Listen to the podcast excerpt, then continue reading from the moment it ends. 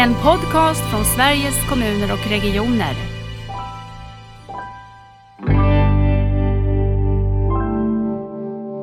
Man har olika öar där man pratar om eleven mer till exempel. Och, och då, är det ju, då har man ju inte hälsofrämjande dygnet runt, år över år perspektivet. För just den här eh, delen när man, när man är, håller på med sitt vuxenblivande, alltså det är svårt någonstans där mellan, det är svårt under vissa perioder, men kanske särskilt mellan när man är någonstans mellan 16 och 24, så att vi inte har den här satsningen till, från 0 till 18 utan tar hela vägen till 0 till 20 tycker jag är jättebra. Personcentrering, det är grundläggande förhållningssättet som nära vård vilar på. Och vi behöver utveckla de personcentrerade arbetssätten på alla nivåer och i alla möten. Och med mig idag för att bland annat prata om det här, det är Funktionsrätt Sveriges ordförande Niklas Mårtensson. Välkommen till Nära vårdpodden. Tack så jättemycket. Tack för inbjudan. Ja, roligt att du vill vara med och, och vi är nyfikna att lära känna dig. Vem är du Niklas? Ja, nej men jag heter ju Niklas Mårtensson då, och, eh, och min bakgrund är att jag har jobbat på funktionsrättsområdet sedan 1994, eh, fast i olika roller. Jag har jobbat inom LSS-boende och eh, som lärare i både i grundskola och gymnasie och i anpassad skola, det som då kallades för särskola. Eh, och sen har jag de senaste 13 åren jobbat direkt inom funktionsrättsrörelsen på olika sätt som eh, generalsekreterare på Funktionsrätt Sverige och då som i våras som ordförande och tidigare har jag jobbat i motsvarande roll Eh, på Autism Aspergerförbundet och Autism Sverige. Då. Mm. Det var en kort beskrivning. Oj, när du inte då är aktiv i, i den här viktiga rörelsen, vad gör du då? jag, jag har ju eh, fru och tre tonårsbarn, så mycket tid går åt där med eh, umgås och vardagen och så. Men annars tycker jag om att röra på mig och springa och resa och träffa släkt och vänner så som eh, många andra gör. Sen, eh, mm. ja, ja, men det fyller ut en stor del av min vardag. Mm. Men du har blivit kvar i funktionsrättsrörelsen under egentligen hela ditt yrkesliv. Varför det? Vad är din drivkraft? Vad är det som har gjort att det här ja. är någonting du vill göra? Ja, nej men precis. Det är, det är väl många olika faktorer som det är som påverkar en till det man blir på något sätt. Men jag har ju haft ett stort engagemang sedan egentligen tonåren. Och jag började ju redan jobba inom det här området sedan jag var tonåring. Och eh, sen dess har ju bara intresset och engagemanget växt över tid, fast på olika sätt. Då. Eh, och sen har jag ju haft lärarstudier och eh, eh, yrkestiden som har gjort att jag blivit ännu mer engagerad eh, via olika eh, livsval kan man väl säga. Mm. Så att, och det har ju format mig till den jag är idag och det jag jobbar för. Så att, eh, på den vägen är det. Mm.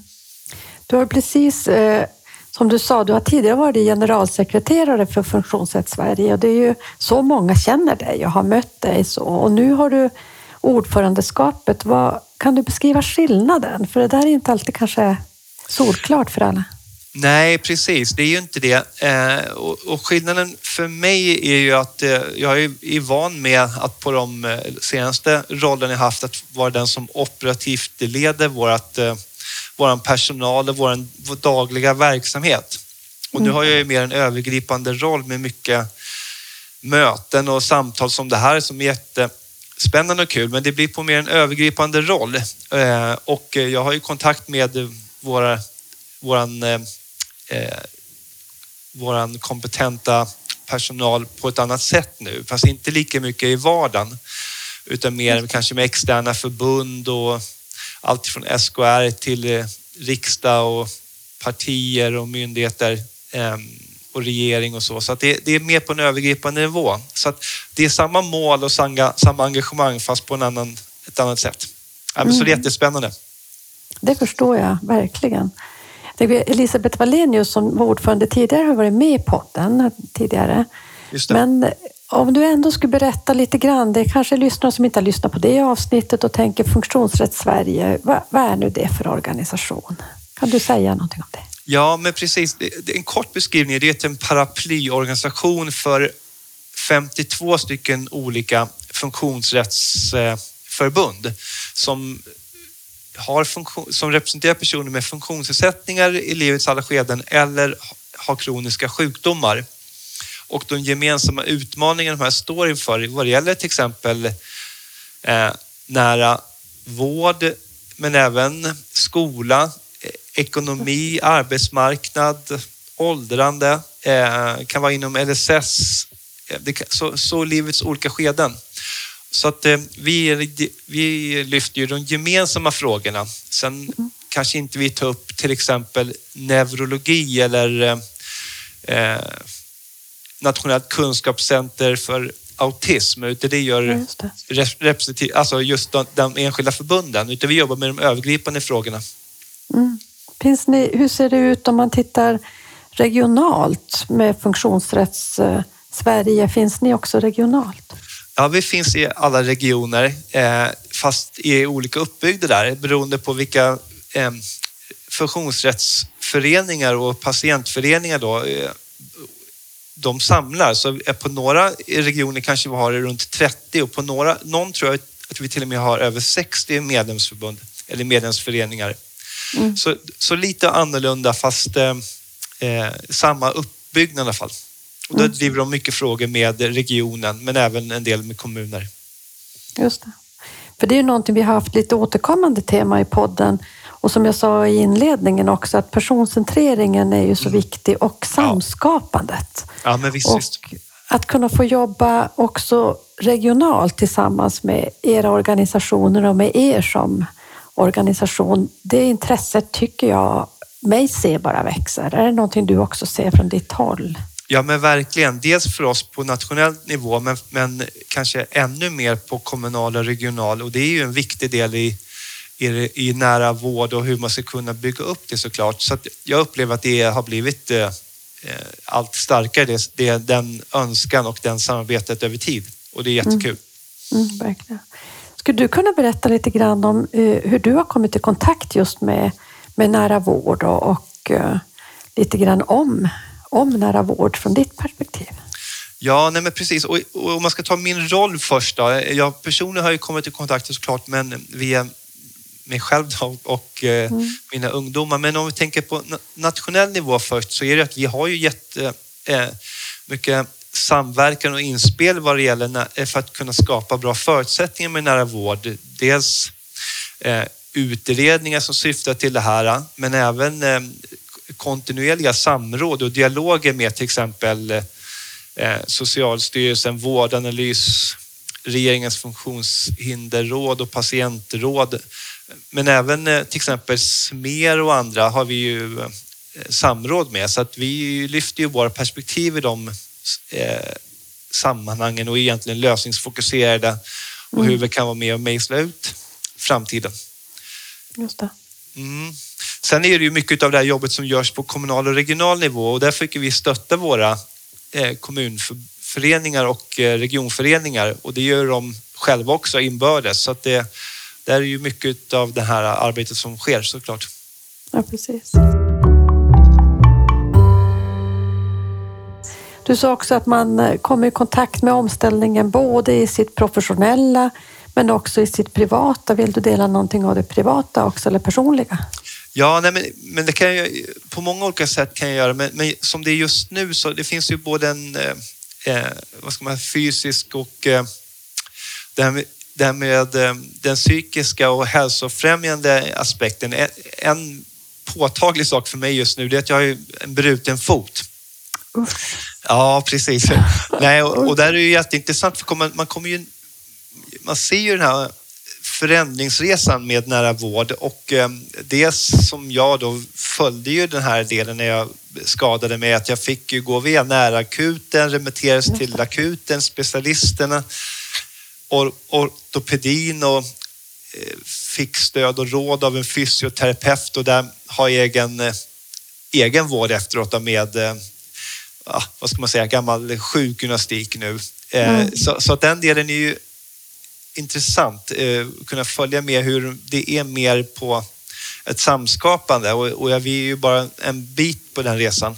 Mm, men, men, men sen tänker jag om man en annan sak som jag reflekterar över, det är ju nu har ju regeringen för några veckor sedan gått ut med att man har, eh, kommer jobba för och delat ut det till fem myndigheter, ett nationellt hälsoprogram för barn och unga. Mm, precis. Ja, som en del av den här eh, nära vårdomställningen och det tycker jag är jättekul verkligen. Det är mm.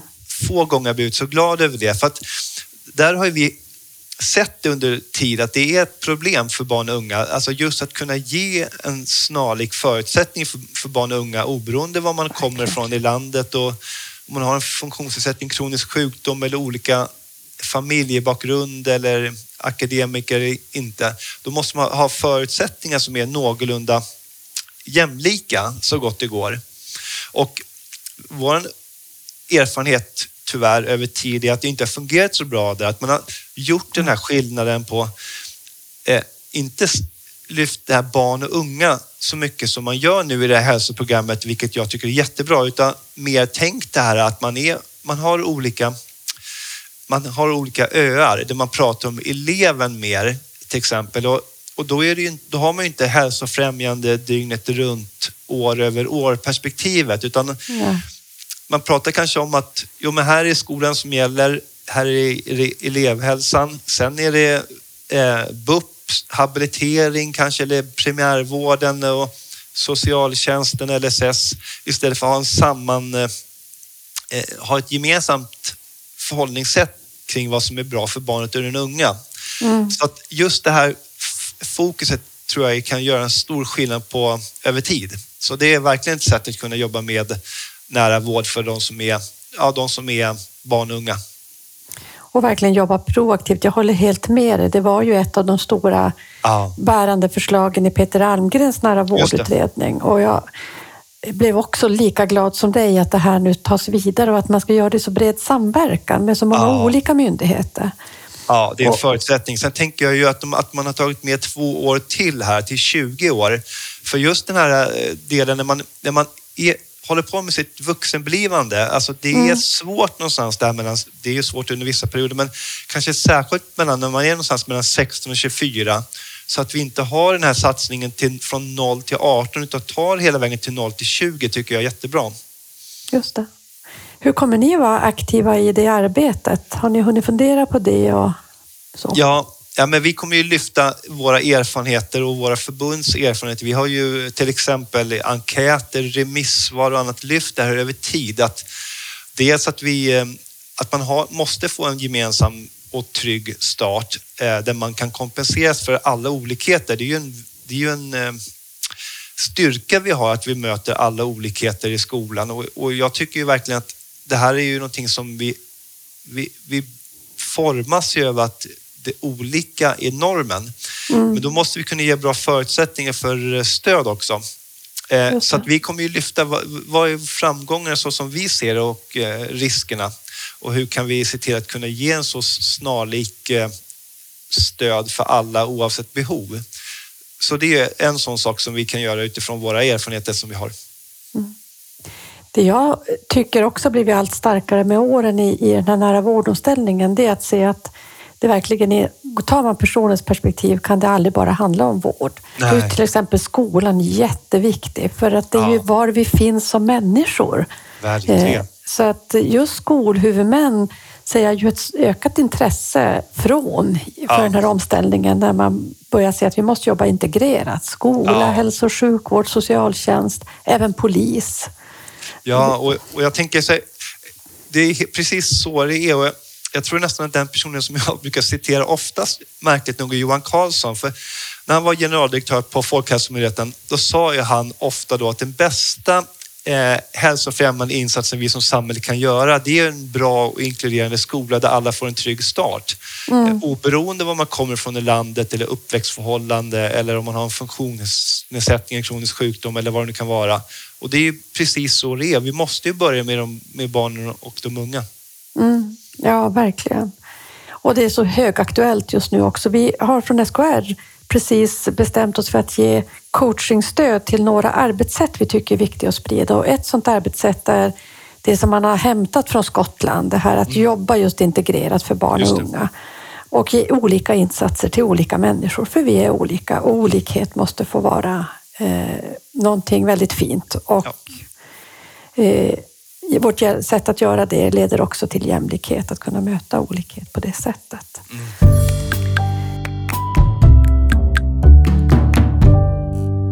Om du tittar på samhällsutvecklingen, jag tänker du pratade om det här med olikhet och, och uh, olikhet som norm och så. Hur tänker du kring samhällsutvecklingen och er roll som funktions, uh, uh, från Funktionsrätt Sveriges och er rörelse? Ja, nej men man kan väl se på olika sätt. Om man drar tangenten långt bakåt så har ju samhällsutvecklingen gått framåt på många olika sätt. Alltså det är just mer individ och relationsbaserat i många eh, sammanhang, till exempel vad det gäller vården, men även kanske arbetsmarknad och även i skola. Så mycket har ju blivit bättre eh, och där har ju vi varit en eh, stark part, ska jag säga, vi och våra medlemsförbund, att vi, vi riktar lampan där vi behöver förbättra mest. Mm. Tyvärr, tyvärr, så är inte vår roll alltid att lyfta det som är bra. Men även om mycket i vården, i skolan, på arbetsmarknaden fungerar bra får vi lyfta det som kanske inte, där vi måste rikta in våra resurser. Men, men, eh, så jag tycker att vi har varit med och skapat och samhället har gått framåt mycket. Sen har vi mycket, fortfarande en lång väg att gå. Till exempel 15 procent som går ut går ut nian har inte eh, fullständiga betyg att de kan söka ett nationellt program på gymnasiet. Och, och, 52 procent till exempel eh, utav de på arbetsmarknaden som, eller 52 procent utav personer med funktionsnedsättning har inte en sysselsättning jämfört med över 80 med person, ut, med, om vi jämför med personer utan. Så det är en stor skillnad att eh, jobba för att minska här. Men, men, vi upplever att vi är allt mer eftersökta och vi, folk vill ha en dialog med oss. Och, eh, så vi jobbar ju för att kunna komma med i så många olika sammanhang som möjligt så att vi kan lyfta våra medlemsförbund och deras enskilda medlemmars vardagssituation. Hur ska vi mm. göra det bättre? Jag tänker när du berättar om ert arbete, hur otroligt brett det är. Att ja. det är egentligen samhället i stort och era frågor. Eh, från hälso och sjukvården känner vi er kanske mest utifrån era medlemsförbund på just vårdområdet som eh, olika diagnosförbund och så. Finns det förbund som har mer, en, eh, mer generell inriktning på tillgänglighetsfrågor och annat? Ja, men det gör det ju. Vissa definierar sig helt som funktionsrättsförbund och vissa som patient och sen har vi ju en blandning däremellan. Men, men till exempel så är om man ska ta vissa förbund, har ju, om jag ska ta Dyslexiförbundet till exempel och flera andra, så då, då, då säger inte de att de är patienter utan snarare så att de, har, de har behov av en hjälpmedel och eh, en, eh, förståelse och eh, bemötande för att kunna få en inkluderande vad det nu kan vara, skola, arbete men även vård och kallelser och så vidare. Så så är det ju. Men, men det mm. övergripande, om man ska säga något gemensamt, så är det ju att vi, vi jobbar ju för ett samhälle för alla och mm. att man ska bli inkluderande där man finns och ha, ha likvärdiga möjligheter. Och, och vi har ju det här salutogena förhållningssättet att det är hälsofrämjande att ha en gemenskap. Till exempel att man passar in i den skolklassen man går i eller den arbetsplatsen eller den dagliga verksamheten eller vad det kan vara. Och, och just att kunna känna att man duger som man är och att man vet vad som förväntas och hittar ett sammanhang. Det är ju övergripande för alla förbund vi har och även den förhöjda risken att man inte är inkluderad, inte får det stöd och eh, bemötande och får sitt behov uppfyllt. Mm. Så att eh, just den skillnaden att vi lyfter det, det gemensamma och det positiva och lyfter riskerna också. Det är någonting som förenar alla 52 förbund. Och jag tänker ju mer av att vi även i sjukvård har många olika sammansatta behov gör ju att vi behöver få våra kallelser på det sätt som passar ja. mig. Det är inte säkert jag söker för min dyslexi, det är för någonting Nej, annat. Precis. Och att just det, jag tycker att mycket mer av allt vi gör inom hälso och sjukvård och, och omsorg handlar om att utgå från personens behov mm. och då använda olika resurser i systemet för att möta det. Ja. För att kunna göra det så jämlikt som möjligt. Det är ju egentligen grunden i hela nära vårdomställningen, så vi vilar ju på väldigt samma värdegrund. Mm. De som jobbar med omställningsarbetet. Då. Ja, och vi vill ju samma sak. Så skickar man en, eh, en kallelse som inte får avsedd effekt, det vill säga personen som är kallad kommer inte, Nej. så är det ingen, men då gäller det att vi har en dialog kring hur, för att man gör ju inte det för att man vill illa såklart, utan det är att man inte vet. Då får man ju ha en dialog kring det. Så att den här eh, förutsättningen för samskapande i god och nära vård gäller ju på det vad man säger, mikro, eh, meso och... Eh, Mm, och makro. eh, ja, precis. Jo, men så är det ju. Mm, verkligen. Eh, jag vet att, eh, ja du sa det redan i början, att du känner att efterfrågan på, på era perspektiv, er kunskap från funktionsrättsrörelsen blir bara större och större. Och jag hisnade lite när jag förstod hur många olika sammanhang ni finns med i. Man blir nyfiken på hur ni hinner med och, och eh, vad ni har för förutsättningar att finna med. Så berätta lite. Det är ganska många ställen som ni finns och representerar. Ja, nej, men jag tror att vi är över 80 representationsuppdrag vi har på nationell nivå och det är ju framförallt är ju det samråd. Eh, utöver de som jag har nämnt tidigare så är det ju stort och smått på andra. Det är Försäkringskassan, Arbetsförmedlingen, eh, Specialpedagogiska skolmyndigheten. Eh, sen är det ju Skolverket och så vidare till så stora till lite, min, till lite mer till exempel om tillgängliga resor och SJ till exempel är också med där. Så det, är, det är helt olika delar av livet och eh, olika sammanhang. Och, och anledningen till att vi kan vara med på så många olika, det är ju att våra förbund, precis som vi berättade om att det är en mångfald av förbund, så är det ju vissa som är jätteintresserade av att vara med på hur vi kan ha en tillgänglig resa på eh, tåg och bussar och vissa som inte alls prioriterar det. De kanske prioriterar eh, ja, men vad det nu kan vara, till exempel Försäkringskassans frågor. Mm. Så att det är via de förbunden som vi kan axla den här manteln och, ta, och vara med i de här utredningarna och samråden. Men, men, men en förutsättning för det är att vi har resurser och vi har ju fått statsbidrag nu som har höjts 3 procent sedan 2008. Och eh, under den tiden har ju löner för en kommunalanställd i genomsnitt ökat med över 50 procent. Så att vi, vi har ju sämre resurser nu men, men vi efterfrågade mer. Så det här är en utmaning som vi får jobba med. Att eh, jobba för att kunna möta all den här efterfrågan vi har men även för att skapa mer resurser till oss. Mm. För det innebär att ni kan ha mindre medarbetare i era Ja. organisationer och så. Precis. Finns det någon pågående diskussion på nationell nivå om, om resursfördelningen, både vilka som får statsbidrag och hur stora de ska vara?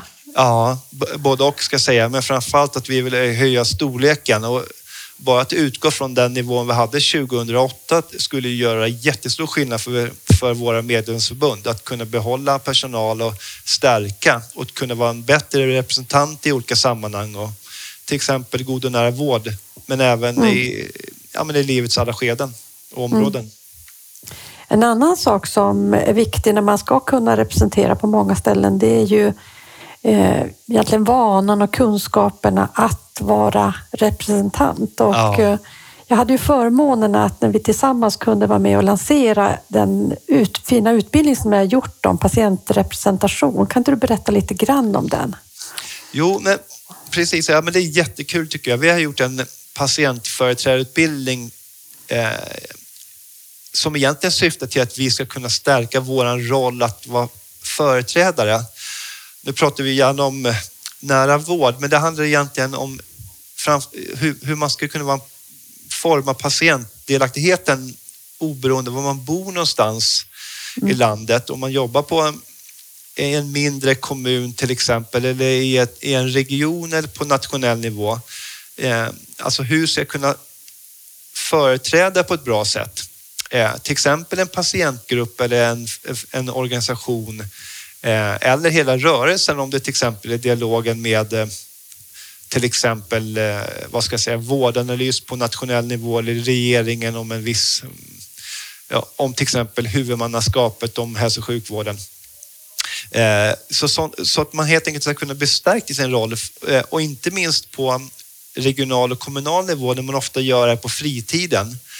Eh, Då har vi gjort en utbildning man ska kunna, alltså vad, hur ska jag kunna representera eh, min förening eller hur ska jag kunna, hur kan man påverka en beslutsfattare? Kan jag komma förberedd? Eh, Kan jag komma med lösningsfokuserade förslag, följa upp vilka lagstiftning och ramar finns det till exempel hälso och sjukvårdslagen eller vilka det nu handlar om. Så att eh, stärka våran del av den här dialogen eh, för att, och dessutom att göra nya representanter att de kan komma in snabbare och vara med och för att vi är så viktiga. Och jag tycker det är så bra just att det är en webbutbildning och att man kan ta den i block och man kan göra den i grupp. Och man, ja. så, så jag skulle ha slått slag för att man också i de regionala sammanhangen, kanske tillsammans patientrörelser och eh, ja, men regioner och kommuner ja. som jobbar med samskapande skulle kunna titta på den ihop eller göra den ihop och så. Vad tror du om det? Jo, men det tror jag är jättebra och just det med gruppen som resurs. Eh, dels att den är eh, på så vis som du säger, men även att man kanske går in i den på en arbetsplats eller i en mm. patientförening på kanske en kommun, att man pratar hur kan vi jobba tillsammans? För jag tror ju att man lär sig någon del om man går med den hemma på sin kammare, men framför allt om man gör det tillsammans med andra eller åtminstone pratar om det tillsammans med andra. Hur är det för oss? Hur kan vi jobba vidare tillsammans? Så det är verkligen en nyckelfaktor. Jag tänker det är också ett redskap att ta på som du säger på en arbetsplatsträff. Ja. Man tittar på den själv men man pratar om den ihop och jag tror vi har ja. mycket, alldeles för lite av sånt. Lite studiecirkelaktigt nästan. Ja, och du tänker så. Hur kan man tänka här? Hur kan vi ja. jobba tillsammans så att man löser ihop? Jag tänkte Niklas, om man lyssnar på podden nu och så tänker man jag finns i den här kommunen, i den här regionen och jag brinner verkligen för det personcentrerade och samskapade. Men jag vet inte riktigt hur jag får tag i funktionsrättsrepresentanter. Hur gör jag då? Ja, Nej, men dels finns det ju den här utbildningen på vår webbplats, en länk till den som man kan komma till och den kostar ju ingenting och man kan registrera sig där. Eh, men sen är det ju att vi har ju representanter runt om i landet på regional nivå och på många orter, många kommuner har vi även på i kommunföreningar. Eh, så, så det är ju ett arbete man kan göra tillsammans. Men, men, kanske ännu enklast är ju att man går med i den lokala föreningen, till exempel, eh, vad vet jag, blodcancerföreningen eller eh, vad det nu kan vara, bröstcancerföreningen eller eh, någon helt annan. Eh, mm. Stamningsföreningen. Så, så att man kan mm. vara med utifrån det. Eh, och, sen, och, där, och när man väljer en representant för föreningen eller funktionsrätt vad det nu kan vara, Östersund, då är det gemensamma som man lyfter. Så att eh, man kan vara både en representant för sin egen eh, funktionsrättsförening och sen den stora delen man, där man bor. Just det. Och jag tänkte också på om jag sitter kanske som nära vårdsamordnare i en region eller en kommun och vill jobba mycket med samskapande tillsammans med er. Är det då ja. på er webb det är lättast att komma fram och se ja. vem är det jag ska kontakta? Precis, och eh, om den samordnaren finns då på en, en eh, kommun eller en region så kan man ju söka på till exempel då eh, ja, funktionsrätt Dalarna eller funktionsrätt Värmland eller mm. motsvarande Karlstad eller Falun. Just det. Vi måste börja runda av den här podden, men jag vill ju sluta med att fråga dig vad nära betyder för dig. Ja, nära det är ju en tillhörighet, tänker jag. Man kan ju vara nära sin familj och relation, men, men i det här sammanhanget kanske ännu mer att man, lär, att man är nära i sitt lokalsamhälle. Man känner att man har tillhör någonting. Eh, och det här med utanförskap som vi pratar om ibland, det, det är ju motsatsen. Det vill säga oberoende vilken tillhörighet du har, om det är de här frågorna vi pratar om nu eller om det är någon klubb eller förening eller vad det kan vara. Eh, eller idrott eller kultur, att man har en tillhörighet och att man passar in och har förtroende för sin omgivning. Det är verkligen viktigt för oss som människor. Olika viktigt såklart för vem man är, men, men viktigt. Sen är såklart måste vi ha en eh, närhet vad det gäller att det fungerar med skola, vård, omsorg, sociala aktiviteter. Särskilt om man har en funktionsnedsättning, en kronisk sjukdom. Men just att närheten finns någonstans som man känner att man passar in, det är ju avgörande för att vi ska kunna få en fungerande vardag för individen och ett bra samhälle. Mm. Fina slutord. Tack Niklas för att du ville vara med i Nära vårdpodden. Tack så mycket. Tack för att jag fick vara med.